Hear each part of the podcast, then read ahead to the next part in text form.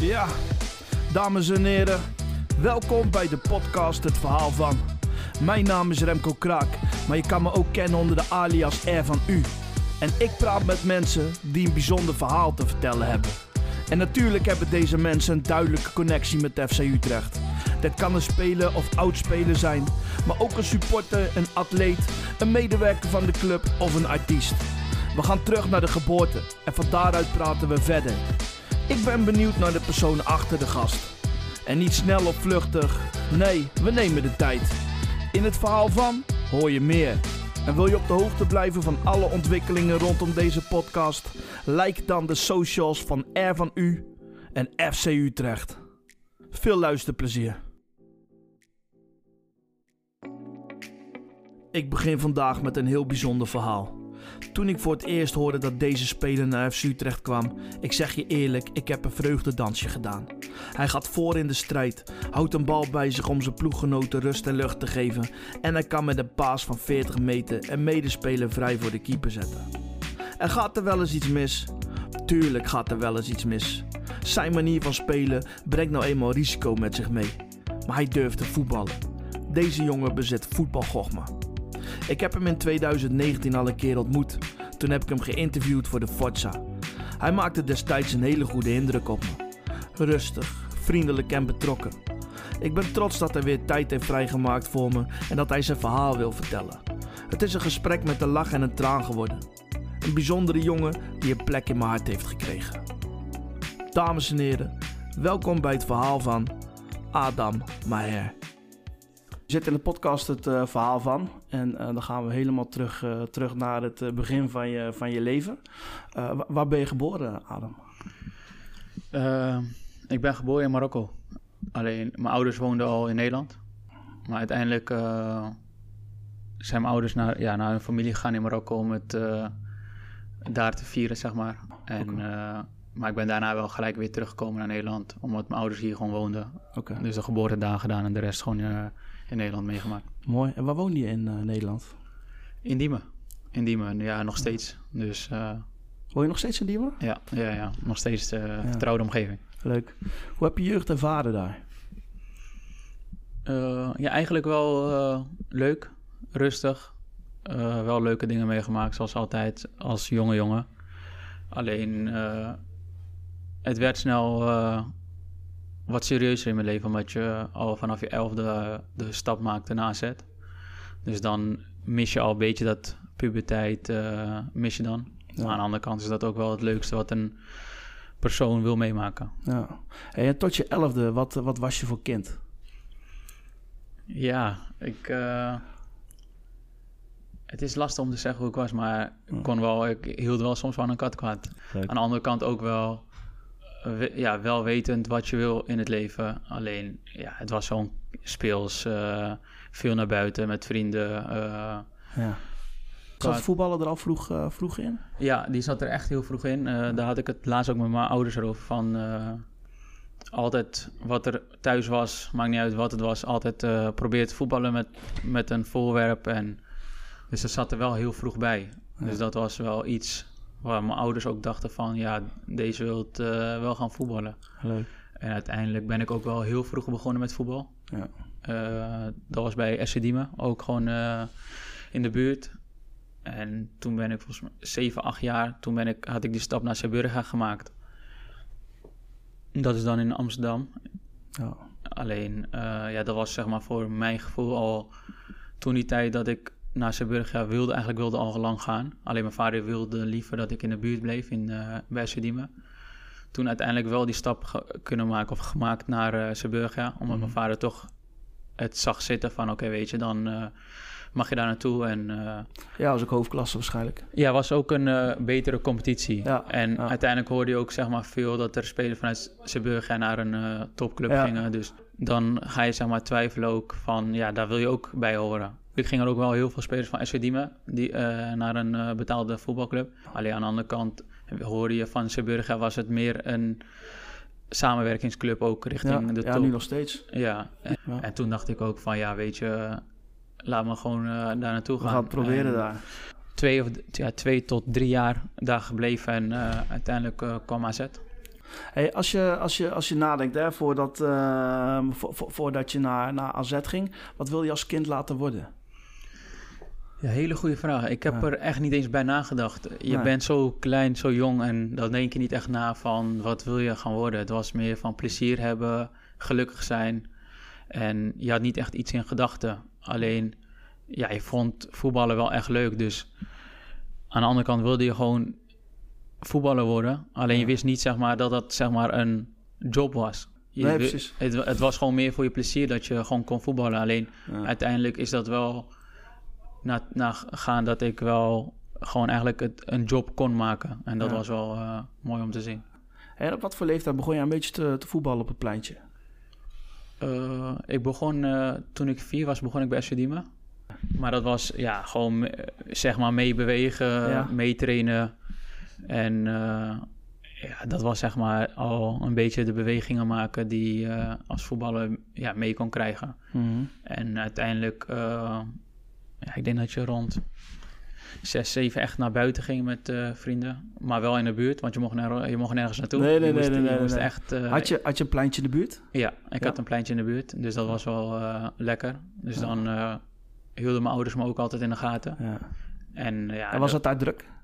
Ja, ja? maar ook iedereen die in, dat, in die flat woonde en de mensen waar wij heel goed kende in Diemen. Ja. Die kwamen ook altijd naar het pleintje. En het was zeg maar altijd een afspraak van... Uh, want het was niet echt dat we met telefoons bezig waren... maar het was nee. meer van... Uh, jongens, morgen vijf uur verzamelen we allemaal en dan ja. uh, voetballen. Dus het was zeg maar altijd gepland. dat hoe, was wel... hoe, hoe, hoe, ging het eraan toe? Het kon heftig zijn. Maar het was wel altijd wel met plezier. En ja, kijk, je wilde altijd winnen. En uh, we deden altijd partijtje en de winnaar bleef staan. En dan zie je wel dat iedereen wil winnen. En dan krijg je soms wel uh, duellen en uh, discussies. En dat iedereen er alles aan deed om te winnen. Maar aan de andere kant is dat wel het leukste en het leerzaamste wat je hebt meegemaakt. Wanneer, wanneer was nou het moment dat jij dacht van... hé, hey, ik kan beter voetballen dan, dan gemiddeld? Ja, dat is heel lastig om te zeggen.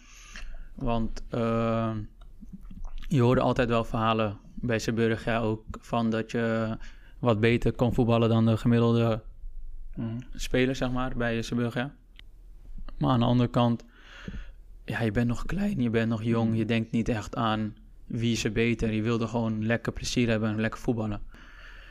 Maar uiteindelijk, ik denk, uh, toen je zeg maar die stap wel maakte naar AZ, toen was het zeg maar wel van, ja, je maakt niet zomaar de stap. Dus dan kreeg je wel een beetje de besef van, oké, ja, het zit wel Mm. goed. Mm. Dus sindsdien denk ik eigenlijk dat je toen ben gaan nadenken van, ja, je, je hebt niet zomaar die stap kunnen maken. Nee. Hey, en nog even terug naar het pleintje hè, bij, jou, uh, bij jou in de buurt. Had jij favoriete trucjes? Of, of waar, was je, waar was je goed in? In winnen.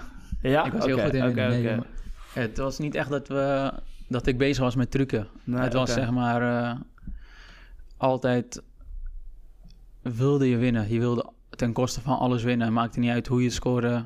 Ja. Uh, je moest die wedstrijd gewoon winnen. En vaak bleef ik ook langs ze staan.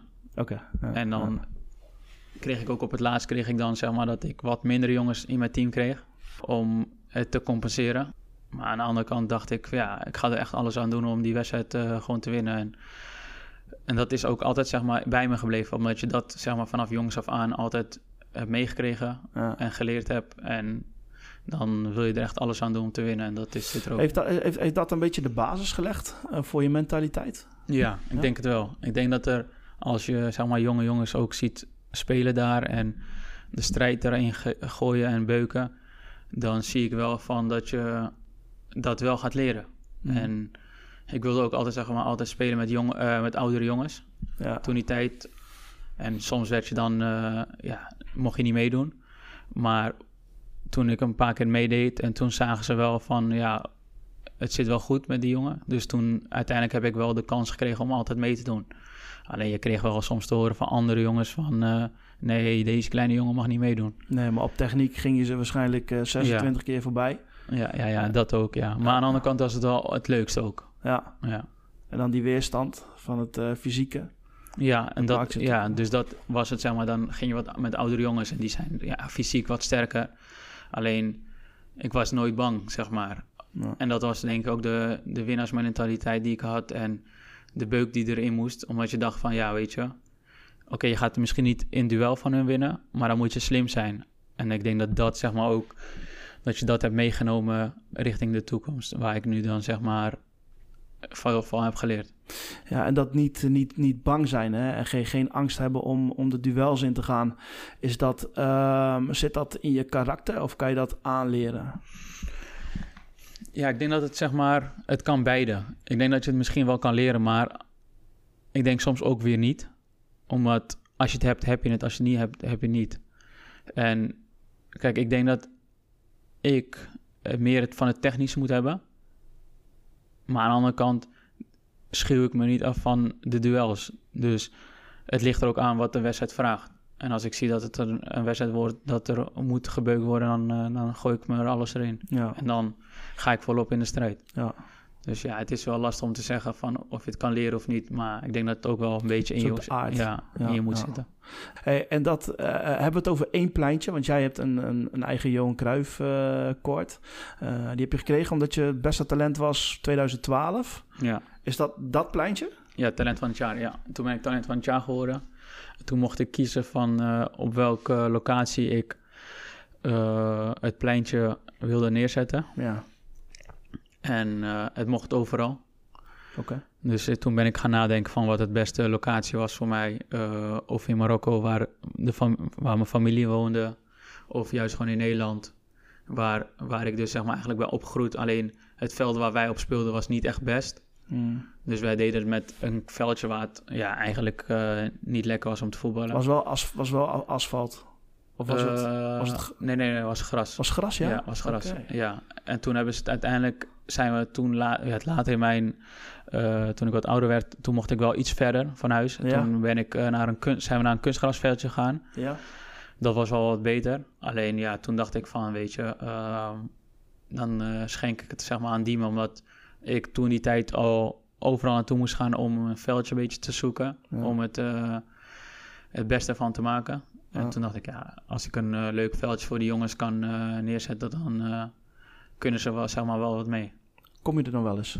Ja, ja ik ben er soms wel. Ik, maar het is zeg maar niet tijdens het seizoen. Ik probeer mm. wel zeg maar soms te komen, alleen het is niet meer dat ik heel vaak daarbij, omdat je ook zelf gewoon gefocust moet blijven op voetbal. Tuurlijk. Alleen als er wel tijd is en we zijn met een paar jongens uit de buurt en die willen een balletje gaan trappen, dan trappen we wel een klein balletje daar. Leuk. Hey, en wordt er veel gebruik van gemaakt? Ja, ik rijd er uh, wel vaak langs. Ja. En dan zie ik wel gewoon dat er heel, ja, heel veel gebruik van wordt gemaakt. Ja, en leuk. Kleine, ja, jonge jongens ook, maar ook wat oudere me mensen. En je hebt daar ook zeg maar een klimrek in de buurt en daar zie ik ook jongens gewoon gymmen en ja. oefeningen doen. Dus er wordt wel heel veel gebruik van gemaakt. Ja, top. Hey, wat vind jij een beetje van de, de ontwikkeling? Kijk, vroeger uh, gingen we naar buiten, wat je zegt, hè, gingen we kattenkwaad uh, uithalen. Uh, gingen we lekker voetballen op, op straat. Tegenwoordig wordt ook veel gegamed door, door de jongere generatie. wat vind jij van die, van die ontwikkeling?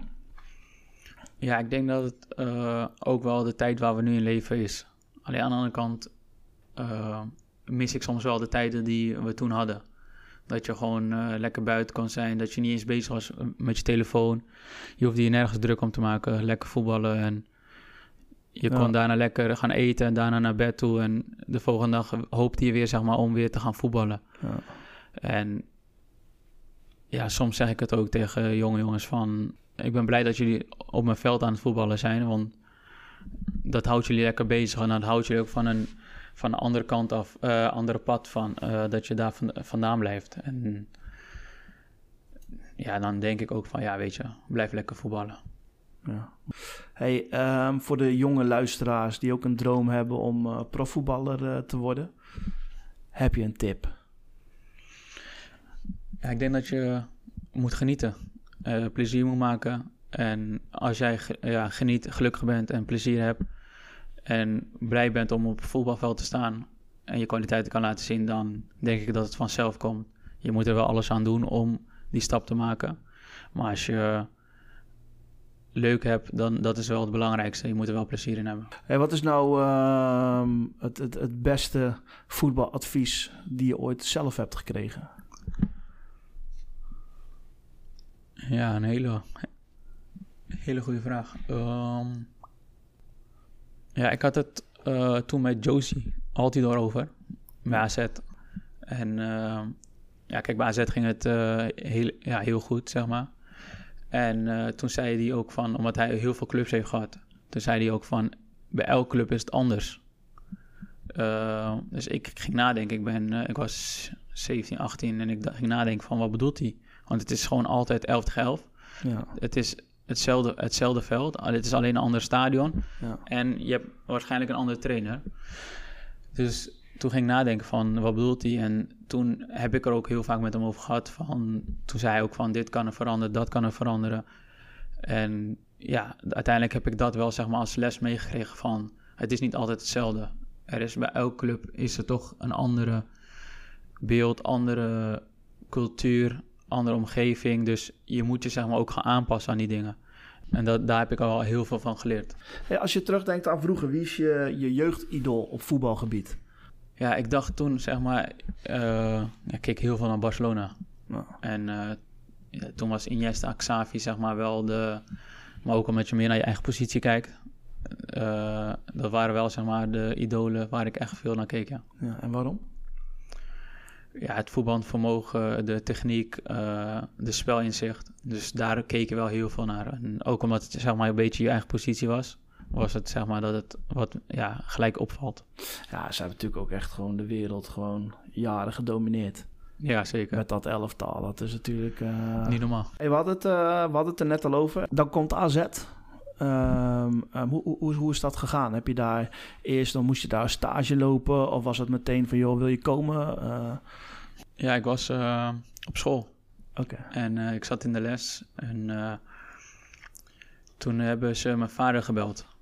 Van dat ze me graag wilden hebben. En of ik dan op gesprek kon komen. Hm.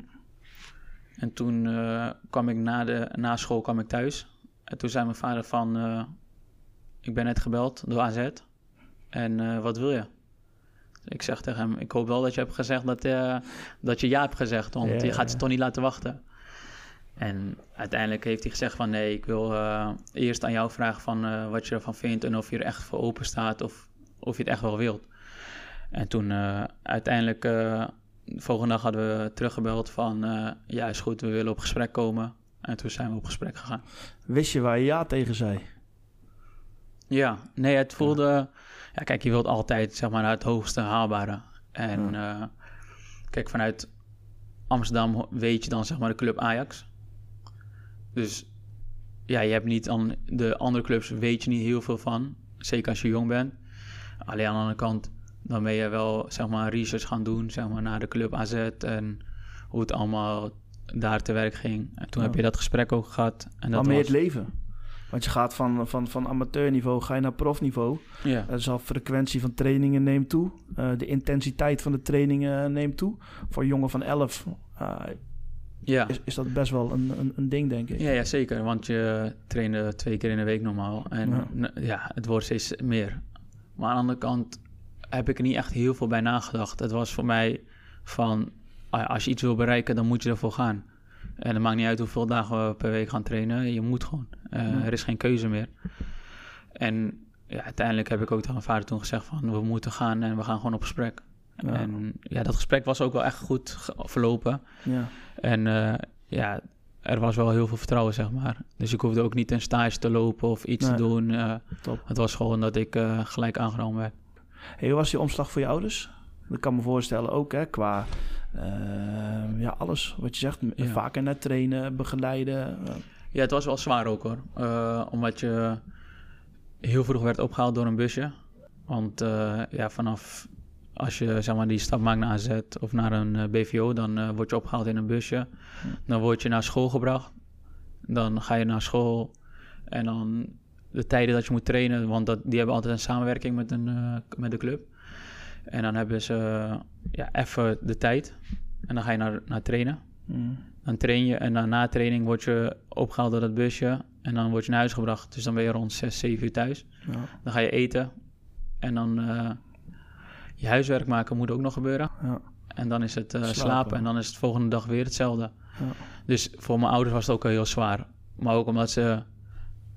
Het was wel zwaar, maar ze hoefden ook niet echt heel veel meer te doen. Omdat ze me bij Zeeburger en ze die me wel elke, elke dag... Of ja, de dagen dat ik moest trainen of wedstrijden... brachten mijn ouders me altijd. Ja. En dat hoefde dan nu niet, omdat ik dan met het busje mee moest.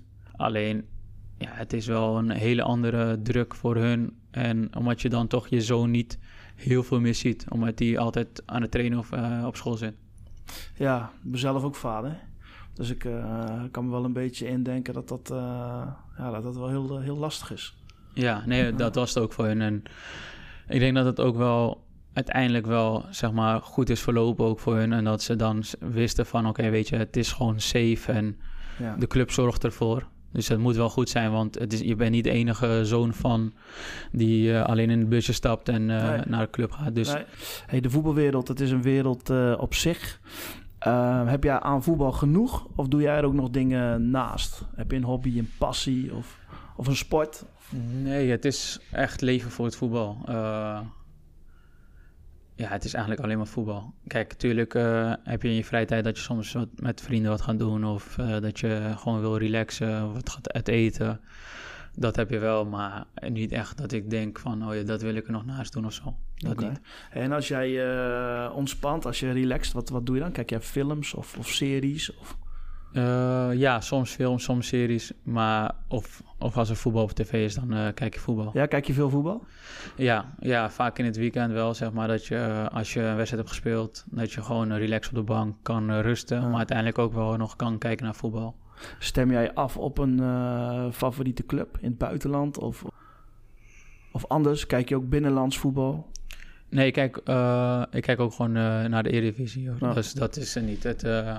Er ligt echt wat, wat, wat welke wedstrijden er zijn in het weekend. Ja. ja. En ja, waar je echt zin hebt om naar te kijken of niet. Ja. En soms staat het gewoon aan en dan ben ik gewoon bezig thuis of zo. Vriendschappen in de voetballerij. Ja, ja, ja. ja, ja. Heb je die? Ja, Weet deze wereld zich daarvoor? Ja, kijk, ik denk kijk, in het team ben je goed met elkaar. En dan hou je wel soms uh, spelers over die, uh, waar je wel goed mee was. Alleen ik denk dat het soms ook wel verwatert, omdat je vaak de volgende stap maakt. Iemand gaat naar het buitenland, jij bent dan in Nederland of andersom. En dan ja, heb je toch wel soms wel contact via de app, maar het is niet van dat je vaak samen bent en zo. En iedereen gaat zijn eigen kant op. Dus dan denk je van ja, na een tijdje stopt dat wel.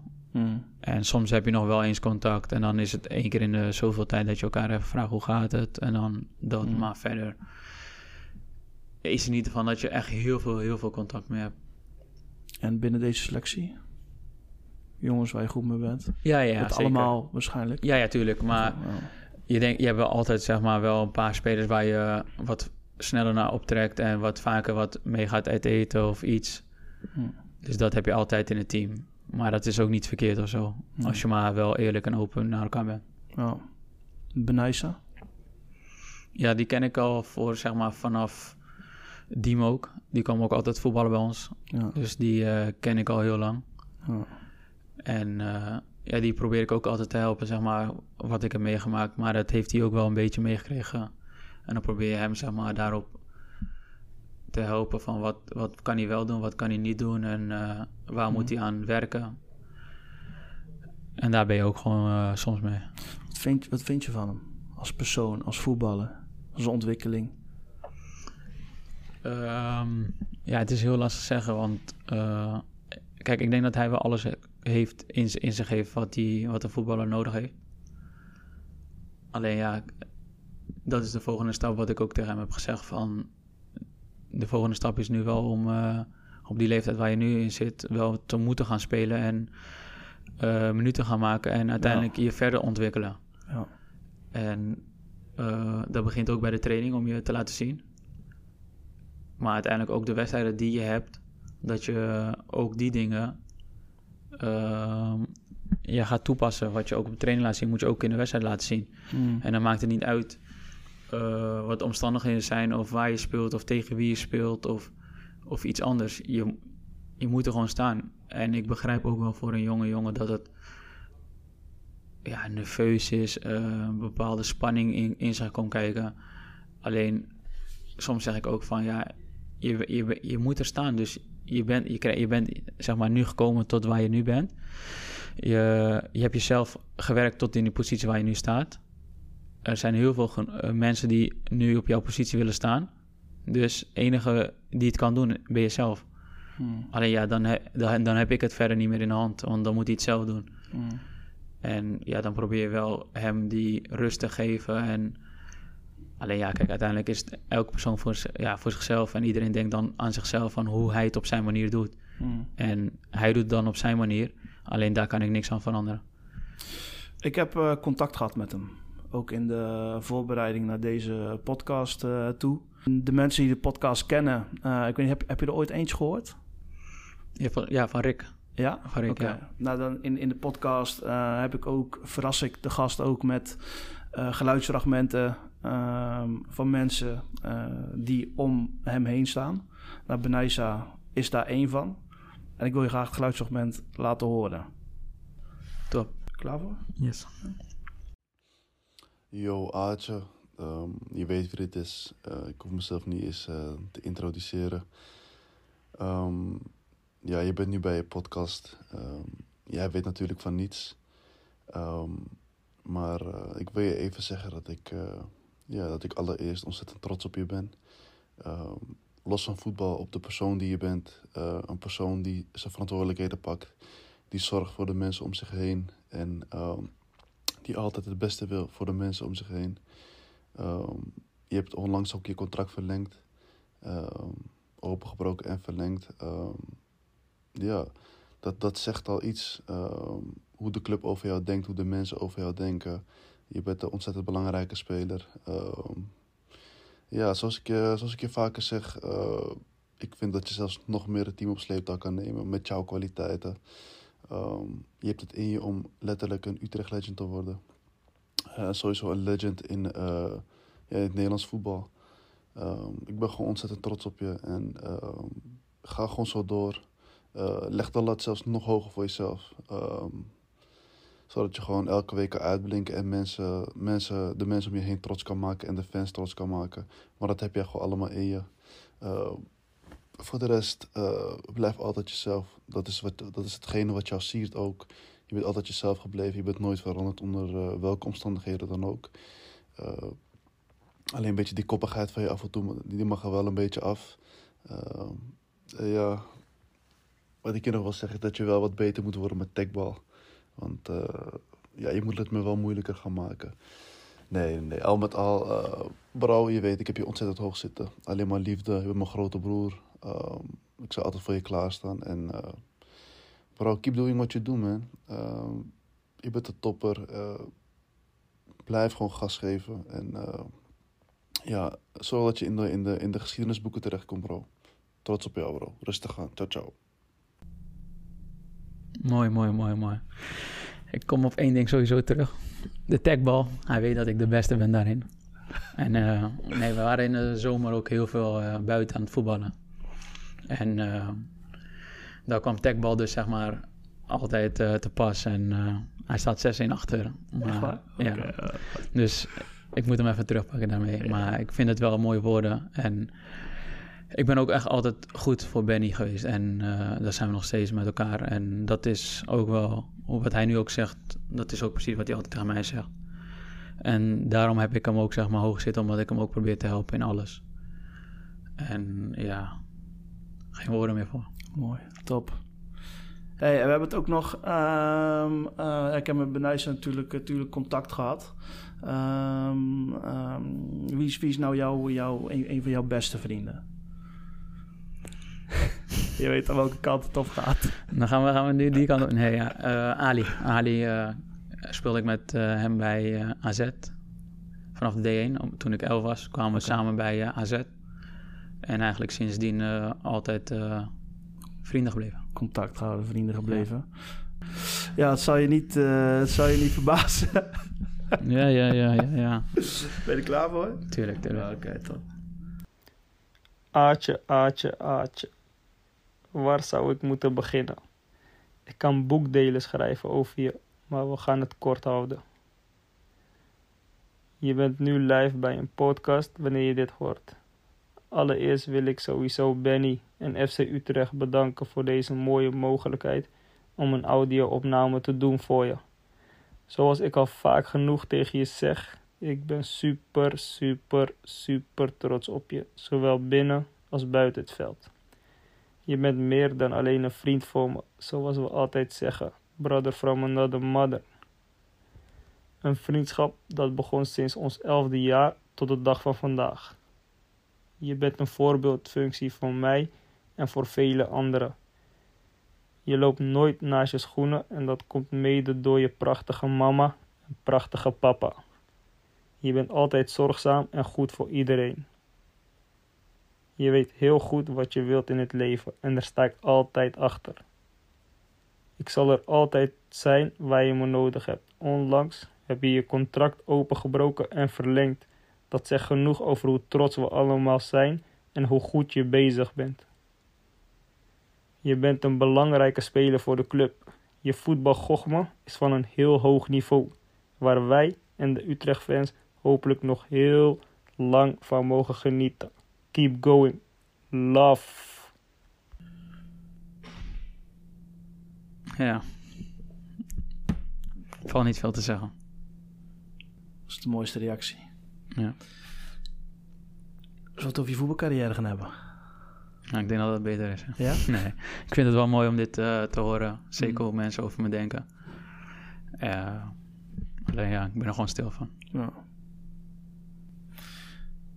Het is altijd bijzonder om eh, dat van mensen van wie je houdt eh, Ja, ja, te ja. horen. Je voetbalcarrière. Je was 16 toen je debuut maakte bij, eh, bij AZ. Dat was onder Gert-Jan Verbeek. Thuis tegen eh, FK Baten Borisov. Jongste Nederlandse eh, doelpunt te maken in de Europa Cup. Hoe heb je die dag ervaren? Ja, eigenlijk een speciale dag eigenlijk. Je wist eigenlijk al dat je de kans zeg maar zou erin zitten dat ik zou invallen. Alleen je wist nog niet zeker of dat zou gebeuren. Dus je moest even afwachten. Wat was dat moment dan dat je bij de selectie werd gehaald? Ja, ik trainde toen wel een tijdje mee. Alleen eh, toen kwam ik erbij bij de selectie. En ja, je wist niet zeg maar of je zou spelen of niet. Maar je vond het al mooi om bij de selectie te zitten.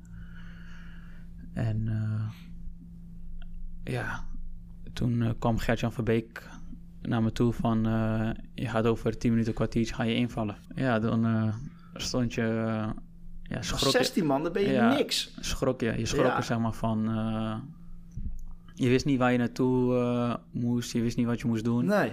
Dus toen maar de, ja, moest warming-up gaan doen. En volgens mij kwartier voor tijd kwam ik erin. Ja, maar 16 jaar, als ik ga terugdenken toen ik 16 was. ja, heel, heel, heel lang geleden, ja. ja. Ja, heel lang geleden. Nee, maar ook hoe, hoe, hoe, hoe je bent. Je bent nog zo jong. Ja, nee ja, het is... Je trainde wel mee en dat was al zeg maar heel mooi. Ja. En dan uiteindelijk ook dan je debuut maken. Ja. En scoren. En dan ook nog scoren. En dan nog ook eh, van der Vaart zeg maar weghalen van de nummer 1 positie. Ja. Ja, er, het, ja, het was gewoon echt het mooiste wat eigenlijk je kon overkomen zeg maar op dat moment. ja. Je hebt daar flink wat jaren gespeeld. Hoe heb jij je tijd bij AZ eh, ervaren? Ja, een hele mooie club. eh, warme club. Eh, maar vanaf het begin eigenlijk zeg maar in een hele warme bad gekomen. En eigenlijk alles, hoe het moest lopen zeg maar, was, was gewoon zo uitgestippeld zeg maar. Het ging goed bij AZ. Door je goede prestaties werd je geselecteerd voor het Nederlands elftal. Eh, door Louis van Gaal. Je krijgt zo'n uitnodiging. Hoe, hoe beleef je zoiets? Ja, eigenlijk heel speciaal ook. Eh, je was eigenlijk meer bezig met AZ, eh, met de club en daar gewoon presteren. Mhm. Toen kreeg je wel dat je de keuze moest gaan maken van Nederland-Marokko. Mhm. Maar eigenlijk aan de andere kant, je had al de jeugdelftallen meegemaakt van het Nederlandse elftal. Dus je wist al zeg maar al een beetje hoe het te pas ging en hoe het allemaal uh, te mhm. werk ging. Mm. Alleen ja, kijk, tuurlijk is het anders als je echt voor het grote Nederlandse elftal uh, wordt geselecteerd. Ja. En toen kregen we een uitnodiging dat je dan zeg maar in de voorselectie zit. Dus dat is dan al speciaal. En uiteindelijk dan ook in het definitieve. Mm. En dan is het gewoon uh, ja, het mooiste wat er is. Zeker als je kijkt naar die generatie toen en wie er toen allemaal speelde. Ja. Het mooiste wat er is, ja. Hoe, Heb, je, hoe heb je het debuut ervaren? Je eerste speel, speelminuten? Uh, ja, wel. Uh, ja, de wedstrijden die ik daar heb gespeeld waren wel echt, uh, echt leuk om gespeeld te hebben en ook echt mm mooi. Ehm, wat is je hoogtepunt? Ik denk de basisdebuut van mij tegen Italië. Ja. Dat dat wel de beste wedstrijd voor mijn gevoel was. En, Wat maakte het de beste wedstrijd? Uh, ja, gewoon dat je in de basis mag starten. Uh, dat je op 10 stond achter de spitsen. Ik stond toen achter Robin van Persie. En dat je dan gewoon met de grote sterren zeg maar, mag spelen. En tegen, een, tegen een land als Italië. Ja. En dan sta je dan zeg maar op Pirlo. Ja. dan is dat zeg maar wel het mooiste wat je mee kan maken. En die dag daarvoor speelde, uh, sprak ik met uh, de bondscoach Louis van Gaal. En die zei: Wat verwacht je van jezelf morgen? Mm. Dus ik, dat ik mijn uiterste best doe, zei ik. En toen heeft hij mij dus één taak meegegeven. Hij zegt: Verdedigend, het enige wat jij moet doen, verdedigend, is Piro achterna gaan. Dat hij niet mag voetballen. En Aanvallend ga ik jou niet veel vertellen. Dan moet je gewoon zelf je, je instinct laten gaan. En uh, daar laat ik je vrij in. Alleen in verdedigen, dan moet je alleen achter Pilo aanlopen. Hmm. Dus het was zeg maar heel kort en heel duidelijk. En dan hoef je niet heel veel na te denken. Dan weet je, zeg maar, als, je als wij de bal verliezen, zo snel mogelijk sprinten naar Pirlo om hem uit te schakelen. Hmm. En als je de bal hebt, ja, overal aan toe bewegen waar je, waar je naartoe wilt. En heel vrij kan zijn. En ik denk dat zeg maar wel de mooiste wedstrijd was. Hoe was het om tegen Pirlo te spelen? Dat is wel echt wel een van de, van de grootste ooit. Ja, zeker. In Italië maar ook uh, het voetbalinzicht die hij heeft. Uh, ik kan me ook nog een paar momenten herinneren dat, dat, dat hij met zijn uh, lichaamsbeweging... dat hij zeg maar, mij op een verkeerde, op een verkeerde been had gezet. Dat, ja, je bent nog jong, dus dan weet je niet zeg maar, wat hij kan doen. En uiteindelijk is dat wel de, de beste wedstrijd geweest. Maar wel mooi om uh, zeg maar tegen zulke spelers te kunnen uh, mogen spelen. Is dat de beste speler die je ooit als tegenstander gehad hebt? Um, ja, wel een van de. Ik denk dat ik uh, Thiago Alcantara ook wel tegen heb gespeeld. Daar, Die was ook wel echt goed. Maar kijk, Pilo is wel... Qua naam ook. Ook van een ander ja, kaliber. En je had het net al, al, al een klein beetje zelf aan. Hè? Nederland en uh, Marokko. Uh, ik kan me ook voorstellen dat je ook voor Mar dat de uitnodiging ook bij Marokko had gelegen. Uh, voor jou. He heeft dat gespeeld? De, ja. de, de strijd in, in, in, je hoofd of ja, je, in je hart? Ik denk dat het zeg maar meer vanuit de uh, buitenwereld kwam. de keuze die je moest maken. Ehm, voor mij was het meer van ik heb alle jeugdelftallen ook meegemaakt. Mijn Nederlandse elftal.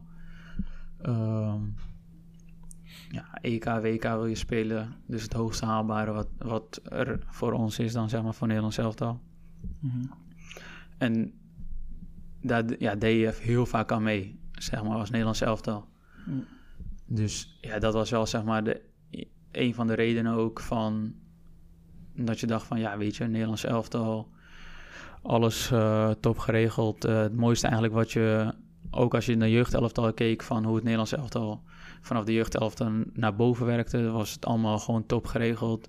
Mhm. Je hoefde je nergens druk om te maken. Het enige wat je moest doen was uh, ja, je voetbalkiksen meenemen en je schemerschermers en de rest werd geregeld bewijs van.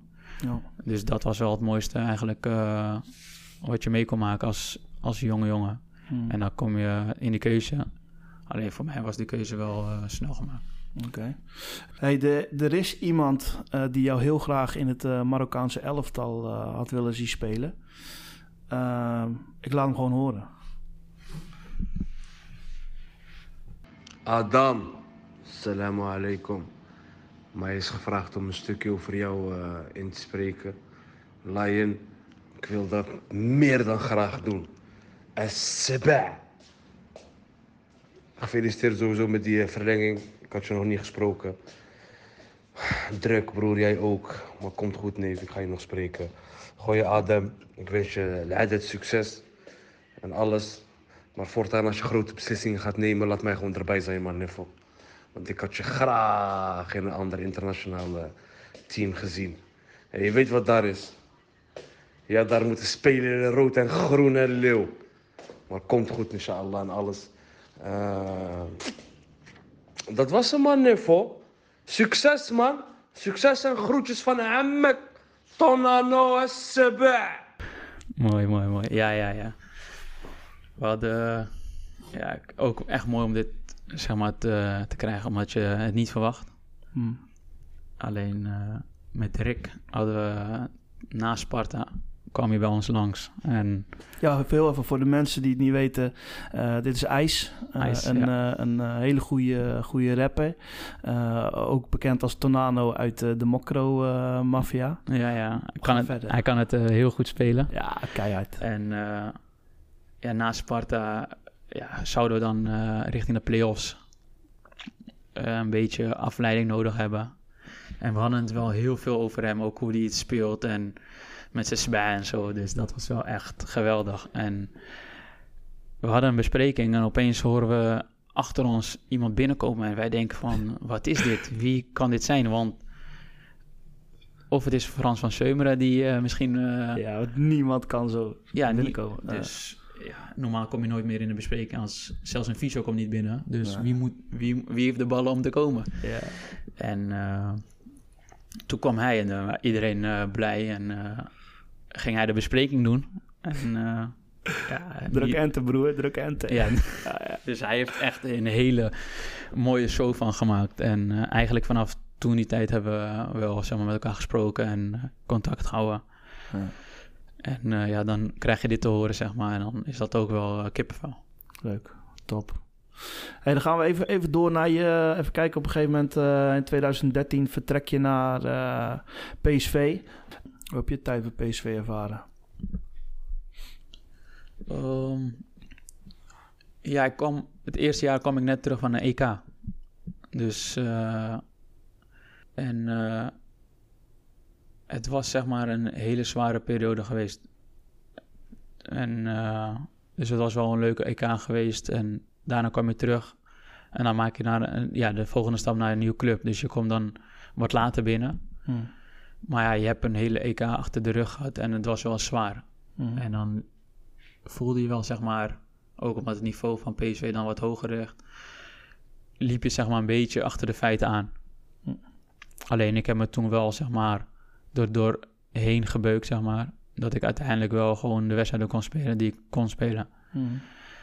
En uh, ja, het eerste jaar werden we dan geen kampioen. Alleen toen tweede jaar, toen begon ik zeg maar wel gewoon fresh van, vanaf de start. En toen ben ik zeg maar eigenlijk alles heb ik meegedaan vanaf de voorbereiding en niet geblesseerd geweest. Dus toen heb ik volgens mij ook al alles gespeeld het tweede jaar. En toen ben ik, zijn we ook toen uh, kampioen geworden. had ik ook wel een goed seizoen voor mijn gevoel. Welke positie stond je toen? Ja, ik weet niet hoe je dat wil noemen, maar uh, ja, 6-8. Zeg maar, Want jij was gewend om op 10 te spelen. Ja. Wie was nou de eerste trainer dan die jou uh, um, iets heeft laten zakken? Um, ja, kijk, ik speelde bij AZ op 10. En uh, toen kwam ik bij PSV en dan moest, werd ik dus zeg maar, speelde we niet echt met een 10.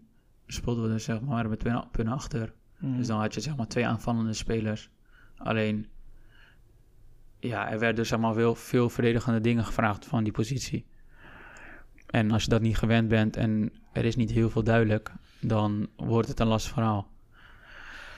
Dus daar... Dat wisten zij ook toen ze, toen ze je kochten, toch? Ja, dat denk ik ook, ja. Ah. Maar daarom heb ik ook altijd gezegd, vanaf dat moment, zeg maar, elke stap die ik maak, wil ik eerst, zeg maar, met de trainer gaan zitten en praten van wat zijn de plannen en hoe zit het precies. En kijk, Marcel Brands kende mij vanuit de AZ-periode. Dus hij wist zeg maar, wat mijn kwaliteiten waren. Hmm. En als jij dan op die positie het uiterste eruit haalt, dan verwacht je zeg maar, dat je ook voor die positie gehaald wordt. En als je dus zeg maar, andere posities uh, moet gaan spelen, is het ook geen probleem. Alleen als er wel duidelijkheid wordt, uh, wordt gemaakt naar jou toe van wat wordt er verwacht op die positie. Mm. En uh, voor mijn gevoel was dat wel wat minder, dat ik dat niet heb gekregen. En ik probeerde wel zeg maar vaak dingen aan te geven van wat kan ik veranderen. Maar aan de andere kant, ja, uh, je moet het zelf doen, want het voetbalwereld, ja, iedereen kent het wel en je staat er dan zeg maar alleen voor. Ja.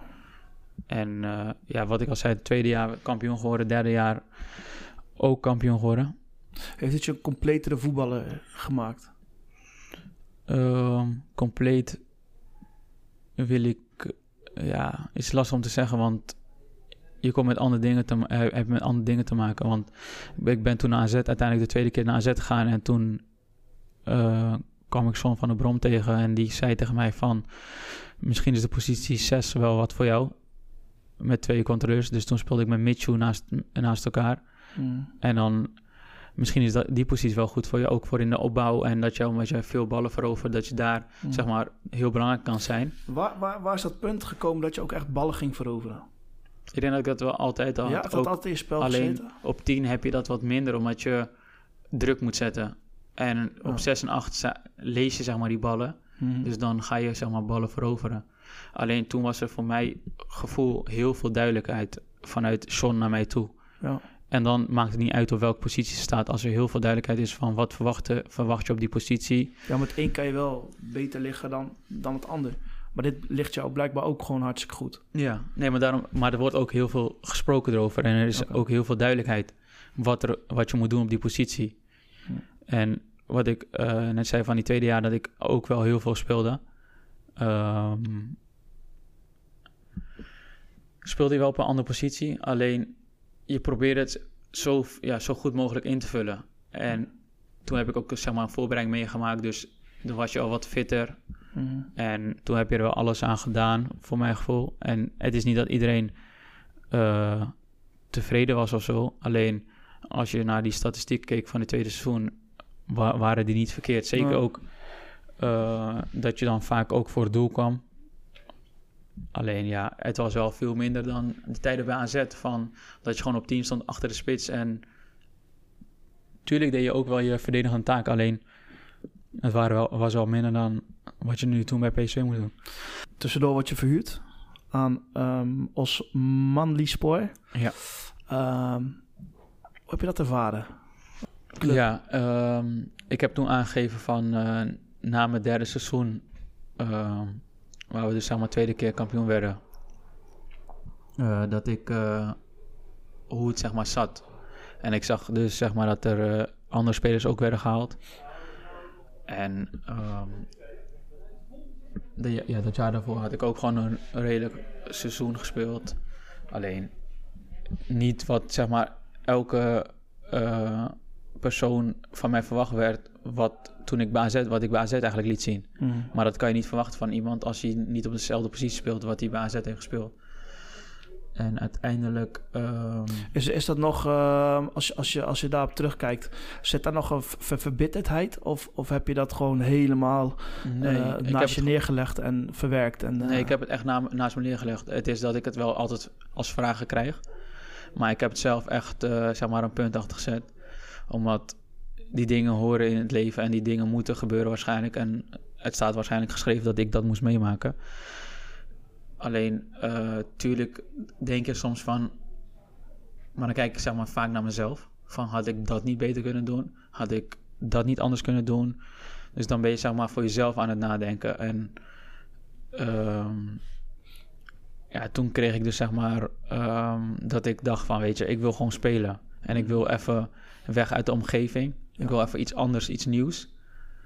En uh, toen kwam, zeg maar, uh, Osmani kwam, kwam uh, toen op mijn spoor. Mm. En die speelde ook Europa League. Dus dat was zeg maar ook wel ja. wat ik eigenlijk wilde. Ja. Zeg maar wel op het hoogste podium. Ook al omdat de Turkse competitie niet dat er heel veel mensen naar kijken, maar misschien in Europa wel. Ja.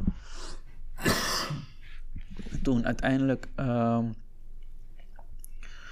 hebben, zijn we overwinterd met het, met het team.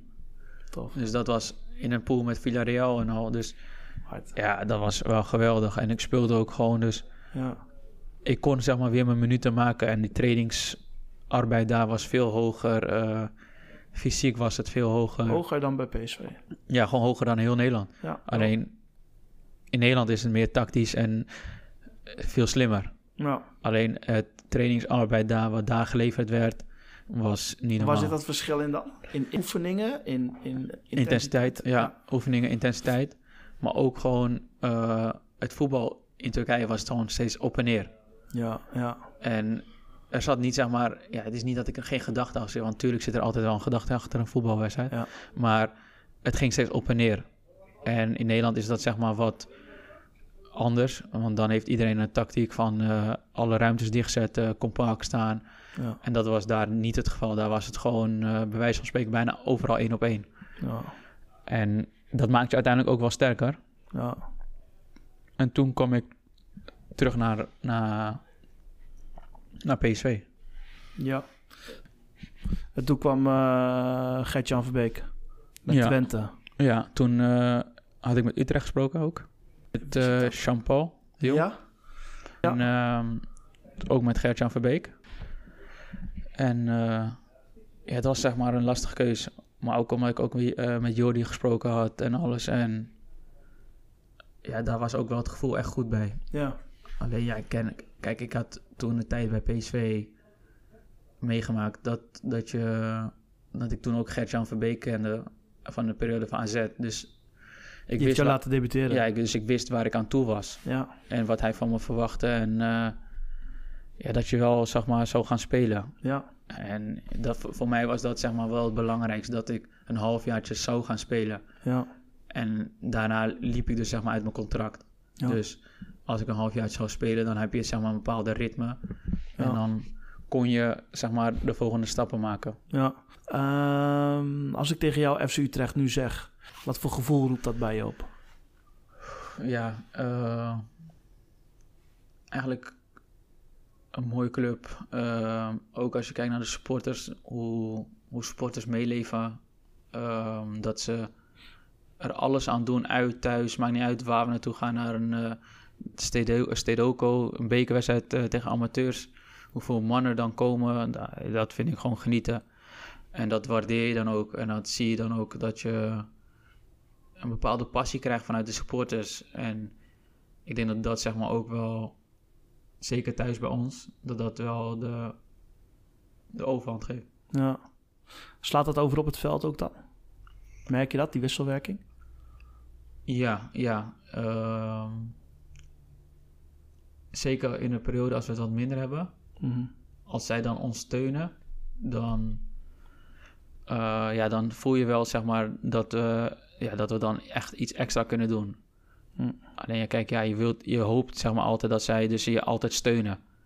En niet zeg maar dat negatieve, want dat kan ook weer de andere kant op, op gaan. Dat de tegenstander dan denkt, oh ja, we hebben ze nu te pakken, dus ja, wat, wat, ja, we kunnen hun nu pakken, dus we gaan er nu echt overheen. Ja. Terwijl als zij juist ons zullen steunen, dan komen we er zeg maar zelf wat makkelijker in en dan gaan we vanzelf wel. Ja. En dan geeft het ook zeg maar een tegenstander van, ja, hier valt niks te halen.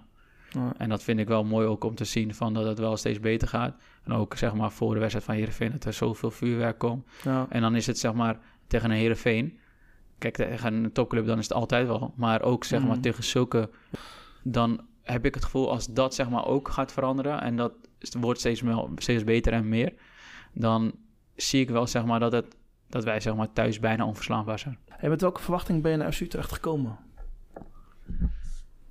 Ja, ik had uh, een hele goede gesprek met Jordi, wat ik uh, heel vaak al heb aangegeven van uh, dat ze zeg maar stappen willen maken en een, een plan hebben.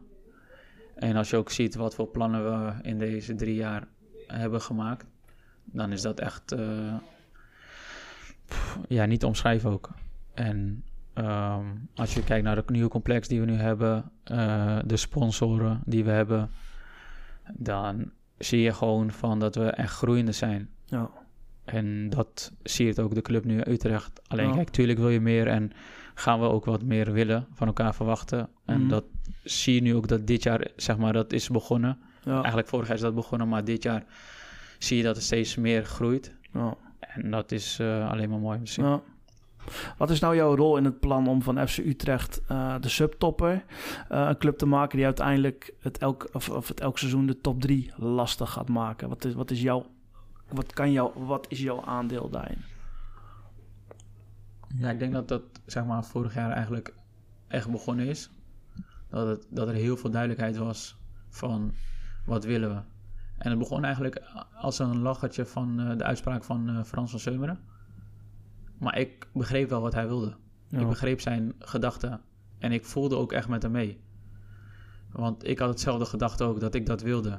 En het was 50-jarig bestaan van Utrecht. Mhm. Dus ik, da- dan begrijp ik Frans, zeg maar, dat hij ook zegt van... Luister, we gooien alles er... Ja, we gooien gewoon. We gaan er gewoon voor. Mhm. En tuurlijk maakte iedereen ons belachelijk en ging er lach, eh, eh, lacherig over doen. Mhm. Alleen, ik begreep wel wat hij ermee wilde zeggen. Van dat we nu de volgende stap willen maken. En eigenlijk als je kijkt naar de tweede helft van het seizoen... Als je de ranglijst pakt, Ja. dan zie je dat we eigenlijk wel bij de top 3 waren. Ja. Alleen, ja, daar, je- daar win je niks mee. Mhm. Maar we hebben ook, zeg maar, in het begin van het seizoen hadden we toen punten laten liggen. Ja. Maar als je nu kijkt ook naar wat wij nu brengen en eigenlijk wat Frans van Seumer heeft aangegeven toen, Mhm. als hij dat dit jaar had gezegd, zou iedereen ook weer lachen. Alleen, nu is het wel al zover dat we nu derde staan. Hoe verklaar jij die ehm staan derde? Fantastisch. Eh, maar die, die, die, wisselvalligheid in de zin van een RKC thuis. Ja, ehm, ik dacht dat we daar ook echt overheen waren. Hm. Eh, en ik denk dat het ook wel een incident was. Maar. Zeker, zeker thuis. Ehm, vind ik en vond ik ook nog steeds dat wij ja, te matig waren. En zeker na die week hebben we ook met elkaar gesproken van als we echt iets willen van en als we echt dingen van elkaar gaan verwachten, dan moeten die dingen wel eruit.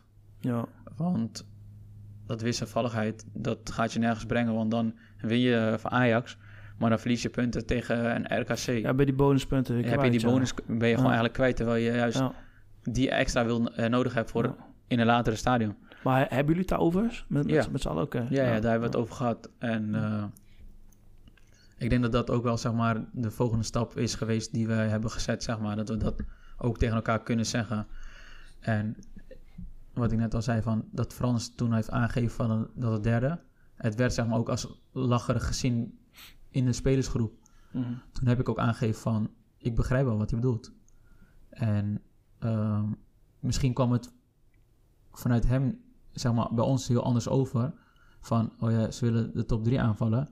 Maar bij ons, we hadden het ook niet echt besproken met hem. Dus Nee. we wisten zeg maar niet de gedachte wat hij ermee bedoelde. nee, en het kwam ook gewoon in een, in een uitzending kwam het... eh, Ja, die kwam Ja. gewoon uit de, een uitzending. ja, dus dat is hij- ook niet een, een, een officieel doel of, of, Ja, of wat je van maar ik, tevoren kijk, en dan misschien als spelersgroep denk je van, ja, kon je dat liever niet met ons bespreken? Of Ja. konden we het niet binnen kamers houden? Ja, Maar ik begreep wel, zeg maar, zeker in de jubileumjaren Ja. waar alles op staat, begrijp ik wel, zeg maar.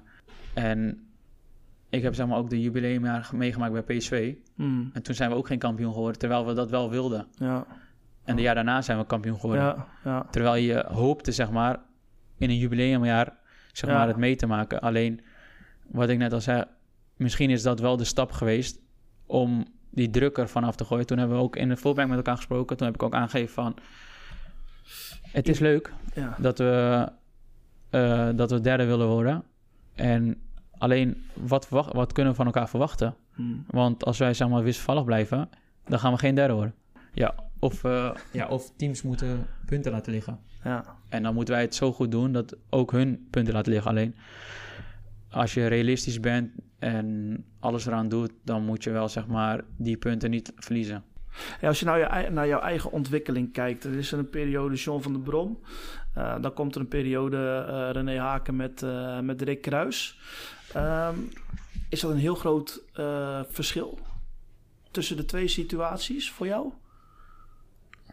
Ja, lastig om te zeggen, want je hebt heel goed samengewerkt met Sean bij AZ. En ik begreep ook wel dat hij de dingen wilde overbrengen wat AZ toen eigenlijk liet zien. Wat eigenlijk Utrecht ook wilde nastreven, zeg maar. Die volgende mhm. stap zetten. Mhm. Dat, dat, um, ja, dat hij dat ook wilde overbrengen naar, bij ons, zeg maar, toen. Alleen, ja, het, het, het liep niet. En het kwam ook niet over bij de spelers. Ja, en dan wordt het zeg maar een lastig pakket. Terwijl... Weet je ook waardoor dat komt? Nou ja, kijk, ik denk dat het bij AZ zeg maar al vanaf, vanaf de jeugd zeg maar al erin zit. En als dat zeg maar niet bij een club al, al erin zit, dan, ja, dan kan je dat niet zeg maar zomaar ergens inbrengen bij een andere club wat niet gaat. Maar bijvoorbeeld bij AZ hadden wij vier keer per week hadden we een krachttrainingssessie. Mm. En ja, als je dat zeg maar naar een andere club wil overbrengen, die het niet, die het niet gewend is, ja, dan wordt het wel lastig. Terwijl ehm, ik denk van ja, het, zou wel kunnen. Het zou wel moeten als je het zou willen. Als je ook de volgende stap wil zetten. Alleen als jij, uh, maar dat heb ik ook zeg maar, bij PSV meegemaakt. Als ik mm. niet ben gewend om op een andere positie te spelen, dan blijf je teren op het waar je echt goed in bent. En dan ga je niet uit je comfortzone. Maar de club kiest toch voor een trainer met een bepaalde aanpak. En dan moet een, een, een spelerselectie zich een soort van ondergeschikt aanmaken, toch? Ja, maar uiteindelijk werd ook, visie. Uiteindelijk deden we het ook. Ja. Alleen de resultaten waren wat minder. Hm. Terwijl we ook wel heel veel wedstrijden goed hadden, uh, het heel goed hadden gedaan. En, ja, maar dat is ook wat ik zeg. Je wordt soms ook gehaald als een speler op een positie, maar je wordt er niet voor gebruikt. Dus, uh, dus dat is ook wel het lastiger van. En ik heb ook wel gewoon goed kunnen samenwerken met Sean. En nog steeds dat ik gewoon uh, contact heb met hem. Ja, maar dat blijft. Dus dat zal altijd blijven. Want ik heb echt, ik kan, ja, ik kan echt blij zijn en hem dankbaar zijn dat ik die kans heb gehad bij hem. Op een gegeven moment komt René Haak en Rick Kruis. Rick zat natuurlijk ja, al, Rick was al, al, al, al, jaren bij, inderdaad. Wat, is, wat is jouw band met hun? Ja, gewoon goed. Ik denk dat wij in het begin van het seizoen toen, tenminste toen hij er net kwam, gesproken hadden. heel duidelijk naar elkaar toe waren van wat hij van mij verwacht en wat ik verwacht van de trainers. En alleen het heeft toen niet echt lang geduurd voor mij. Want twee wedstrijden raakte ik, na twee wedstrijden volgens mij raakte ik geblesseerd. En toen uh, zeven weken eruit. Ja, zeven weken. Of tenminste zeven wedstrijden eruit volgens mij. Je bent wel heel dicht bij de ploeg gebleven. Ja, ja klopt. Uh, dus dat was wel echt ja, je wilde je zeg maar bewijzen. Zeker ook omdat het een nieuwe trainer is. En uh, ja, je hebt dus zeg maar een plan. En die wedstrijden Ajax en Zwolle mhm. gingen ook gewoon goed. Mhm. En ja, dan raak je dan geblesseerd en dan denk je van, ja, shit. Um, ja, wat moeten we nu doen? Want je bent geblesseerd, je wilt erbij zijn, je wilt belangrijk zijn voor het team. Mhm. En uh, ja, dan mis je wedstrijden en dan zie je dat het team ook niet goed draait. Mhm. En dan denk je van ja, ik wil fit zijn, want ik wil het team helpen om ja, een betere resultaat te boeken. En dan verlies je wedstrijden, speel je gelijk, verliezen, gelijk, win je soms. Mhm. En ja, dan... Uh, ja, dat was zeg maar wel een zware periode voor mij. Maar ik ben wel zeg maar altijd met het team meegaan uit thuis. Omdat ik... Is dat gebruikelijk? Nee, uh, ik heb toen aangegeven aan de trainer van ik wil wel graag erbij zijn. Ook al is het mijn vrije dag, zeg maar. Want dat is mijn vrije dag normaal. Als hun spelen, dan ben ik vrij. Als je geblesseerd bent.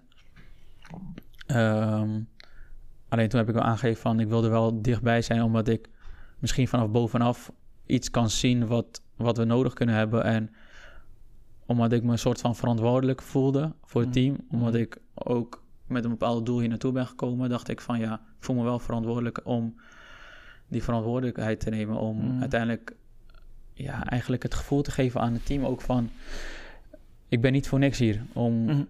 Ik wil wel dat we met z'n allen er alles aan doen om die wedstrijden te winnen. Ja.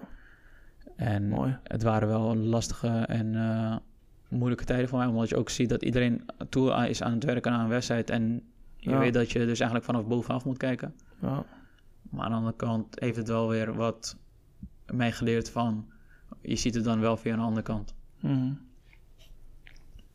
Lijkt me lastig. Ja, en ik was ook, ja, en ik was ook zeg maar, geblesseerd. Dus eh, ik wist niet hoe lang het zou duren. Het, eh, eh, het ging een tijdje ook goed. En toen ben ik weer mee gaan doen een training. En toen kreeg ik weer last. Ja. Dus het was wel echt lastig. En terwijl ik dacht van ja, nu ga ik wel weer die volgende stappen zetten. Mhm. En ja, uiteindelijk is het wel goed gegaan uiteindelijk. Ja. Wat is nou jou, voor, voor jezelf nou de beste wedstrijd van jezelf, voor FC Utrecht tot nu toe? Een hele goede vraag. Ja, Ik heel denk dat er lastig. al een paar zijn. Ja, Afgelopen Feyenoord. De beker voor de Ajax, halve finale. ja. Ja, dat zijn wel de... Vaak thuis, hè? Vaak Hoor je thuis, het? Ja, ja, ja. ja, ja. Kijk, Ajax uit vind je dan ook. Terwijl Ajax ja. op dat moment mm, ja, een team heeft wat je denkt van... Ja, die gaan nooit winnen van Ajax. Nee. En toch doe je het. Ja. En dat heeft nog geen team gedaan. Nee. Dus ja, Nee, top. maar aan de andere kant... eh, Ajax de beker was ook wel echt geweldig. Ook omdat, Ja. omdat je naar iets toeleefde. Eh, je wist zeg maar dat het één wedstrijd was. En Ja. ja, iedereen was gewoon die wedstrijd geweldig. Ja. ja, jammer dat die finale nooit gespeeld was, want eh Ja, hadden we Feyenoord ook gepakt. 100%. anders had ik eh, twee bekerfinale op mijn naam. Ja, ja, precies, precies. Hey, eh, er is ook een tijd geweest dat, eh, dat er wat kritiek op je spel was. Ehm, je zou met de bal lopen. En wat, wat, wat, maak jij daar wat van mee? Krijg jij daar wat van mee? Ehm, je hoort het wel heel soms. Maar op de tribunes of, of via vrienden, via social media? Of... Nee, via vrienden vaak. Van, Oké. eh, maar niet zeg maar dat ik het eh meekrijg zelf, dat ik het lees of zo. Want ik, ik, ik sluit me daarvan uit af. Ja? Eh, Want ik, kijk, dat ik een bal bij me hou, doe ik niet voor mijn plezier. Het is dat ik dus probeer om tegenstanders te lokken, dat er dus ergens anders ruimte komt Mhm. te liggen voor andere spelers op een bepaal, bepalende positie om uiteindelijk naar het doel toe te gaan. Dus eh, dat was ook afgelopen zondag tegen Willem II. Dat ik dan zeg maar de bal ging halen achterin en dat ik vanuit daar eh, heel bepalend wilde zijn, ook Mhm. met de bal. Mhm. En het is niet dat ik ehm, dat ik expres traag doe. Het is zeg maar dat ik hun wil lokken dat er ergens toch een bepaalde ruimte komt te liggen en dat ik dan Met bijvoorbeeld overtal. eh, ja, ergens een overtal kan creëren of dat ik Bart gelijk in één kan inspelen en dat hij dus zeg maar helemaal vrij komt voor de keeper. En, ehm, en ik vond zeg maar, dat we afgelopen wedstrijden wat minder aan de bal waren. mhm. Dus dan probeer je zeg maar, vanuit jezelf de leiding te nemen. En het kan zeg maar, verkeerd overkomen bij de supporters of iets. Alleen Mhm. ik doe het niet als doel om mijn team eh, verkeerd een beeld te geven. Ja, het is meer dat ik het team probeer te helpen om uiteindelijk een, de winst over de. Ja, tuurlijk. Dus ja, het Ja. is wel echt lastig. Maar Ja. Ja, je probeert gewoon eh, het beste eruit te halen. Ja. Ik blijf altijd wel positief erop. En Ja. ik, ik, ik heb wel altijd het gevoel van als het team het begrijpt, als de trainer Mhm. het begrijpt, Mhm. dan dat is wel het belangrijkste. Tuurlijk heb je supporters nodig, Mhm. maar die moeten ook wel begrijpen dat ik dat niet zomaar doe. Duidelijk. Voordat jij kwam, kende ik je vooral ook uit de periode van AZ als, eh, als nummer 10.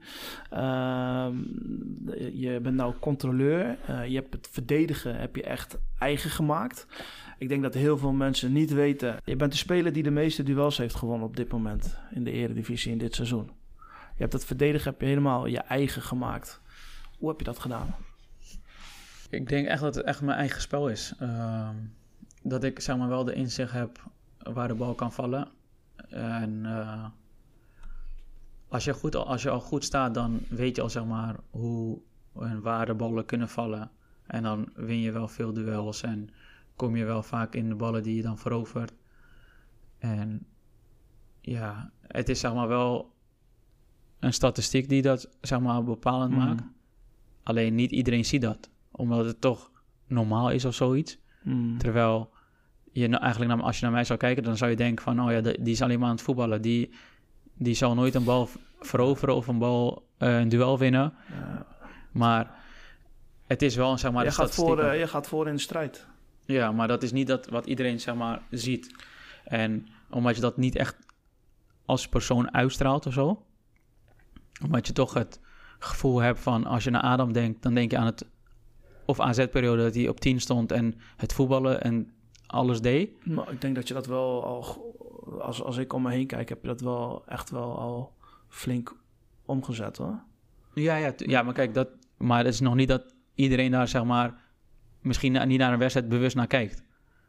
Nou ja, als ik, als ik om mij heen, heen, heen uh, kijk en ik hoorde, ik hoorde mensen over jou, dan is het voetbal het vermogen en voor in de strijd. Ja. Maar goed, ik zeg je heel eerlijk, ik geniet echt van je. Van de, van de balveroveringen, hoe je voor in de strijd gaat. Uh, maar ook een beetje dat, dat uh, hè, wat, uh, wat, wat Ali ook al zei, het gochme. Um, net even een duwtje tegen een tegenstander, weet je wel. Om ook weer even iets te, uit, uit te lokken. rust die jij hebt, hebt aan de bal. Ja maar ja, dat is, dat is dus wat jij zegt. Jij, zegt. jij ziet het rust, zeg maar, zie jij wel als een positief iets. Alleen sommigen zien rust van hij vertraagt het spel of hij houdt die bal. Balans. Ja, maar dat, dat is zeg maar het moeilijk ook van je probeert zeg maar wel die rust te creëren voor het team. Omdat we dan misschien in een drukke situatie zitten of in een moeilijke periode zitten. Dus dan probeer je zeg maar zelf het team een bepaalde rust te geven van oké, nu hebben we rust en nu gaan we even de wedstrijd domineren. We doen het zeg maar met z'n allen, maar je probeert zeg maar op jouw manier wil je zeg maar de rust creëren. En als andere mensen dat anders zien, ook hun goede recht. Alleen wij weten waar we mee bezig zijn en dat is het belangrijkste. Wat maakt deze selectie zo bijzonder? Ik denk dat dat uh, eigenlijk vanaf vorig jaar december eigenlijk is gegaan. Dat we heel eerlijk en open naar elkaar toe zijn gegaan. Uh, is dat één moment geweest of een, een, een sleutelmoment? Ja, dat is wel een moment geweest. Maar toen, is Frans ook, uh, toen heeft Frans ook uh, gesproken. En toen hebben we als team tegen elkaar gesproken. En uh, is er heel veel naar boven gekomen. En we kunnen, er toen, we kunnen er lacherig over doen. Maar het was wel echt, echt een zwaar gesprek met z'n allen. Mhm. En we hebben ook toen tegen elkaar gezegd van... Ja, we, we laten onszelf heel slecht lijken, terwijl we niet echt slecht zijn.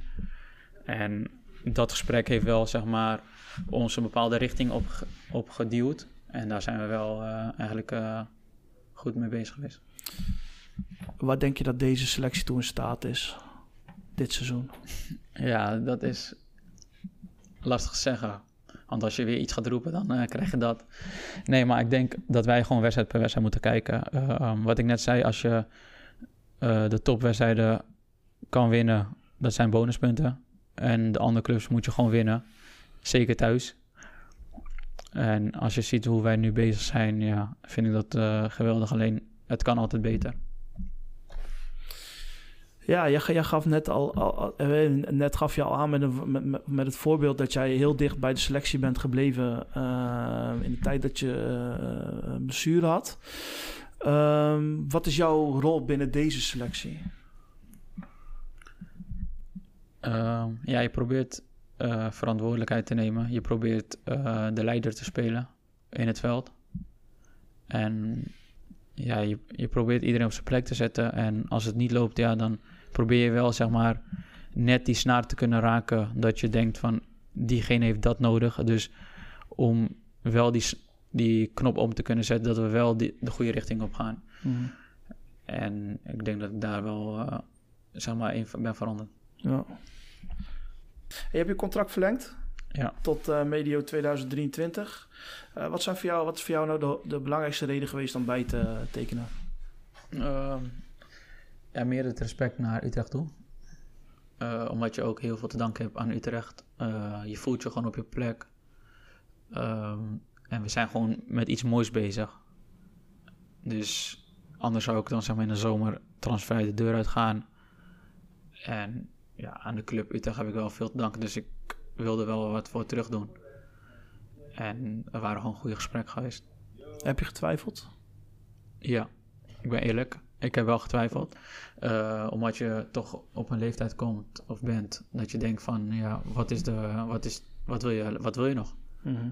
En natuurlijk is er nog ambities om naar het buitenland te gaan. En alleen, ja, kijk, je bent wel ja, op je plek.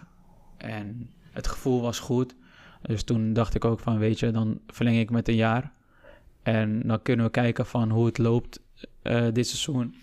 En dan kan je altijd nog kijken hoe wat. Heel blij mee. Zeker. Hey, um, wat vind jij... Um, um, hoe belangrijk vind jij het contact met de supporters? Ja, ik vind het wel belangrijk. Zeker. Uh, ik denk dat wij dat zeg maar als groep ook wel kunnen gebruiken en nodig hebben. Zeker in sommige situaties. Maar ik vind dat wel altijd wel belangrijk. Ja. Ja, ik, vraag deze, ik stel deze vraag met een, uh, met een reden, omdat ik denk dat heel veel mensen niet weten hoeveel jij voor, uh, voor, voor supporters uh, doet. Um,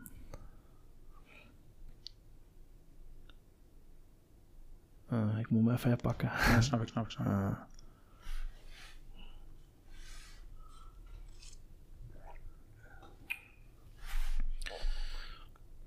Nee, uh, dankjewel man. Uh, mijn vriend Edwin uh, Lafleur, die um, zat in de laatste periode van, uh, van zijn leven. En was toen te gast bij FC Utrecht. Was teamleider van onder de negen van FC Utrecht. supporter van FC Utrecht. te gast bij FC Utrecht Fortuna Sittard in december 2020. En um, om een wedstrijd bij te wonen. Dat was het seizoen hè, dat er geen supporters uh, bij, bij waren. Um, en hij mocht daar uh, bij zijn in, uh, in een skybox.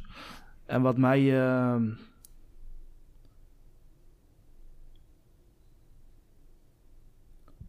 ik, hoor, ik hoorde van hem dat. ik had de foto's ook gezien. Dat jij en Willem de moeite namen om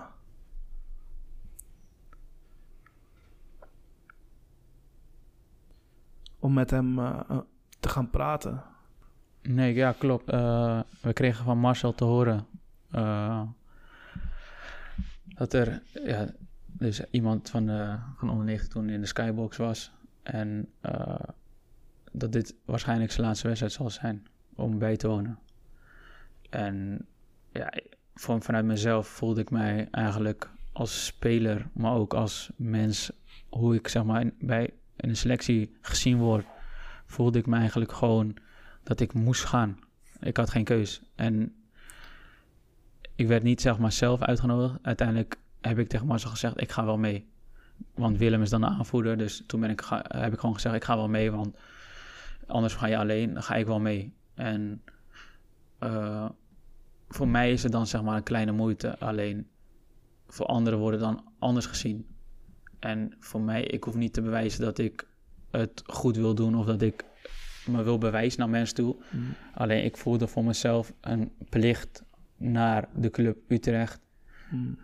Omdat wel echt een belangrijke man was geweest en heel veel had, was, uh, had betekend voor Utrecht. Ja. En als je heel veel, je hoorde heel veel verhalen over hem.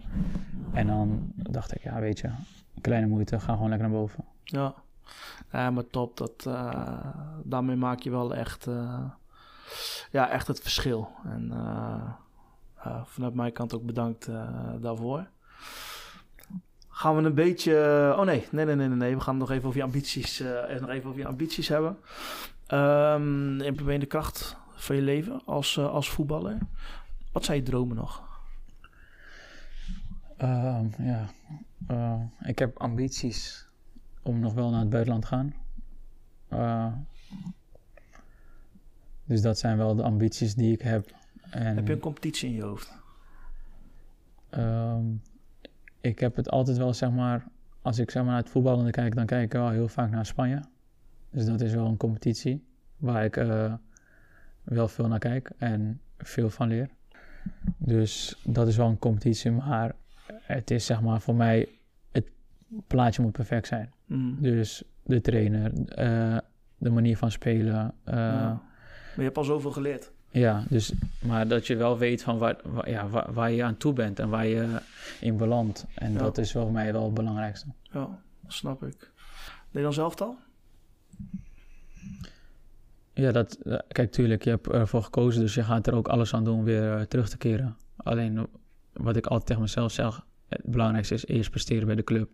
En dan word je vanzelf gezien. En wat ik net al zei, als je zeg maar bovenin meedoet, dan wordt het vanzelf wel gezien. Ik heb nog een uh, gespreksfragment van uh, Gert Kruis. Die heb ik uh, gevraagd of hij een, een, analyse wilde maken van het moment dat je hier kwam tot, tot nu. En ehm, dus die wil ik even laten horen. Ik ben een persoonlijke fan van, van Adam Maher. Vanwege het feit dat ik zelf ook uh, veel dingen herken uh, uit mijn tijd. Uh, Adam Maher zoekt het heel vaak in, in het voetbal, voetballende oplossing. ik vind dat hij stappen heeft gemaakt in zijn ontwikkeling bij Utrecht. Want periode John de Bond vond ik hem nog te vaak postbode voetbal spelen. veel de bal brengen. daarnaast hij geblesseerd geraakt een tijdje. Wat toen heel knap was vond ik, en dat weet ik, uh, want dat heb ik zien ontstaan, dat die ondanks het feit dat hij geblesseerd was, dat hij dicht bij de ploeg bleef en de ploeg ook steunde in moeilijke tijden. Daarna is hij erin gekomen en is onomstreden in mijn ogen, want uh, het, het uh, lopen met de bal een stuk minder. vooral toen Giraan Kerk er nog was, was het een belangrijk wapen. Als maar hele bal had, had hij meteen ook voor diepte, voor Giraan Kerk bijvoorbeeld.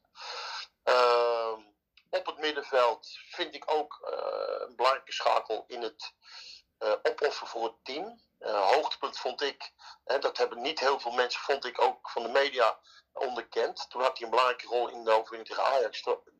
In die wedstrijd maakte hij zich enorm ondergeschikt. En, wat dan heel goed is van hem, hij schroomt ook niet om de strijd aan te gaan. Dan doet hij niet alleen mooi voetballen, maar dan uh, kan hij ook nog uh, voor de ploeg heel belangrijk zijn in uh, het duels winnen of een vuurtje aansteken. ook een voorbeeld was thuiswedstrijd tegen Feyenoord. Er stond wat open tegen Feyenoord.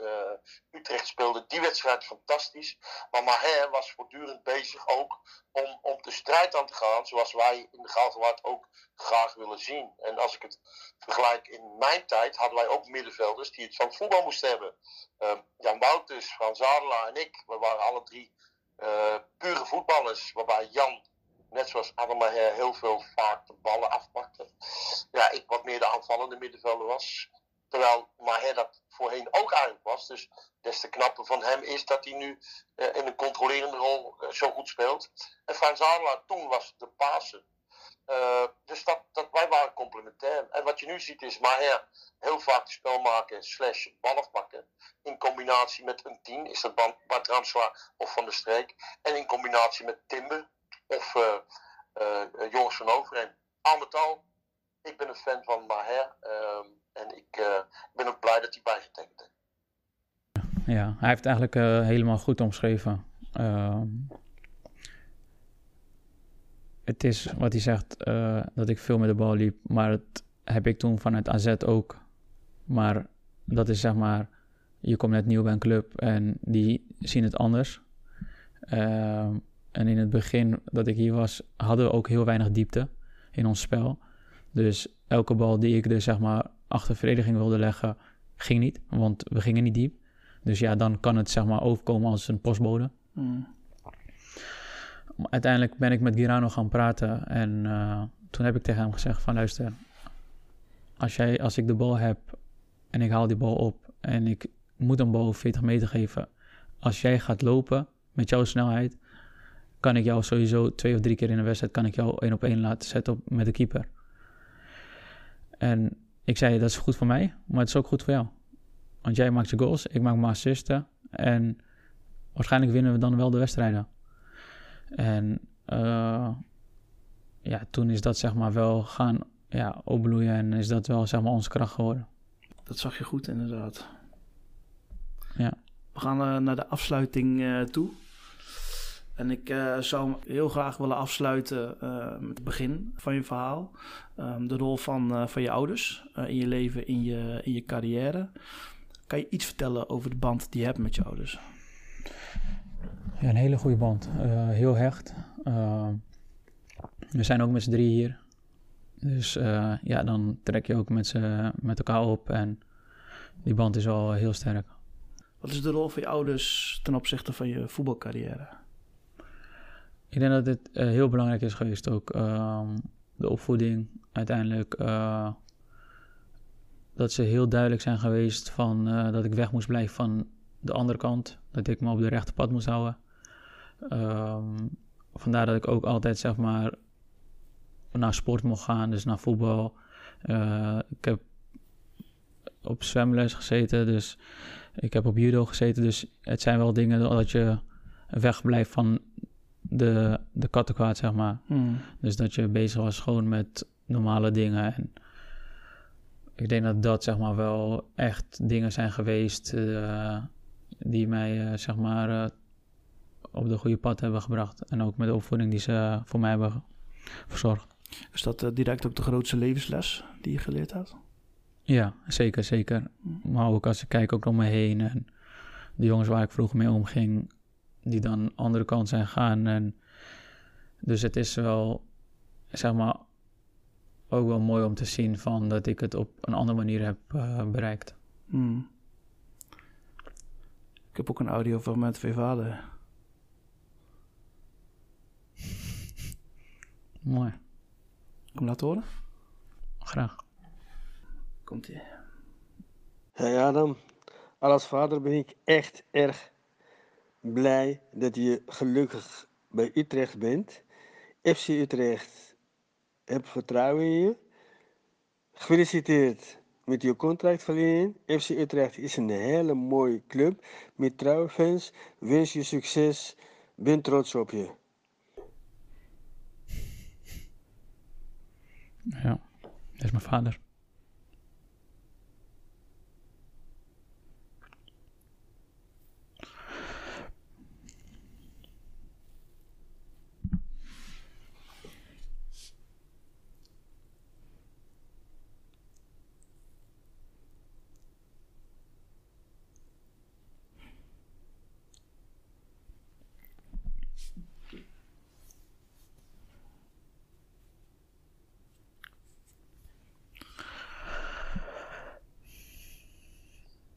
Nou woorden aan toe te voegen.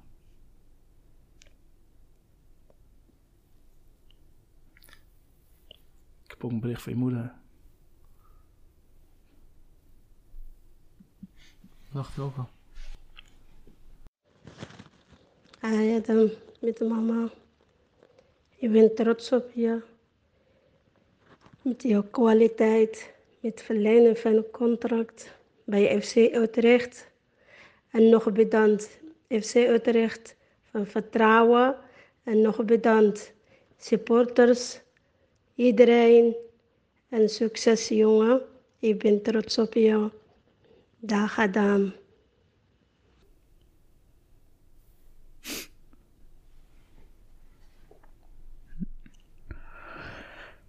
Mooie berichten. Mooie tekst.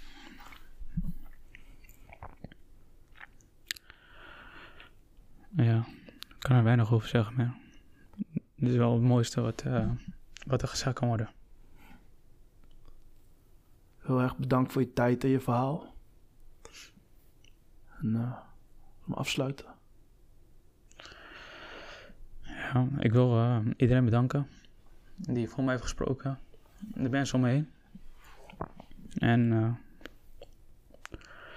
ik waardeer al die berichten uh, tekst en uitleg. Ik probeer mijn best te doen. En uh, ik hoop dat ik jullie gewoon trots kan maken. Bedankt man. Wauw, het is nu een dag later en ik moet je zeggen dat mijn gesprek met Adam diepe indruk heeft gemaakt. Dat het een fantastische voetballer is, dat zien we allemaal wel. Weet je, dat voetballen is leuk, maar als ik nu zo terugdenk aan het gesprek, dan denk ik aan alle warme woorden die gesproken zijn en wat dat bij Adam teweeg heeft gebracht. Zijn vrienden, zijn ouders, hij heeft duidelijk een hele fijne groep mensen om zich heen. Zijn warme verhaal doet mij des te meer beseffen hoe belangrijk het is dat je mensen om je heen nodig hebt die het beste met je voor hebben.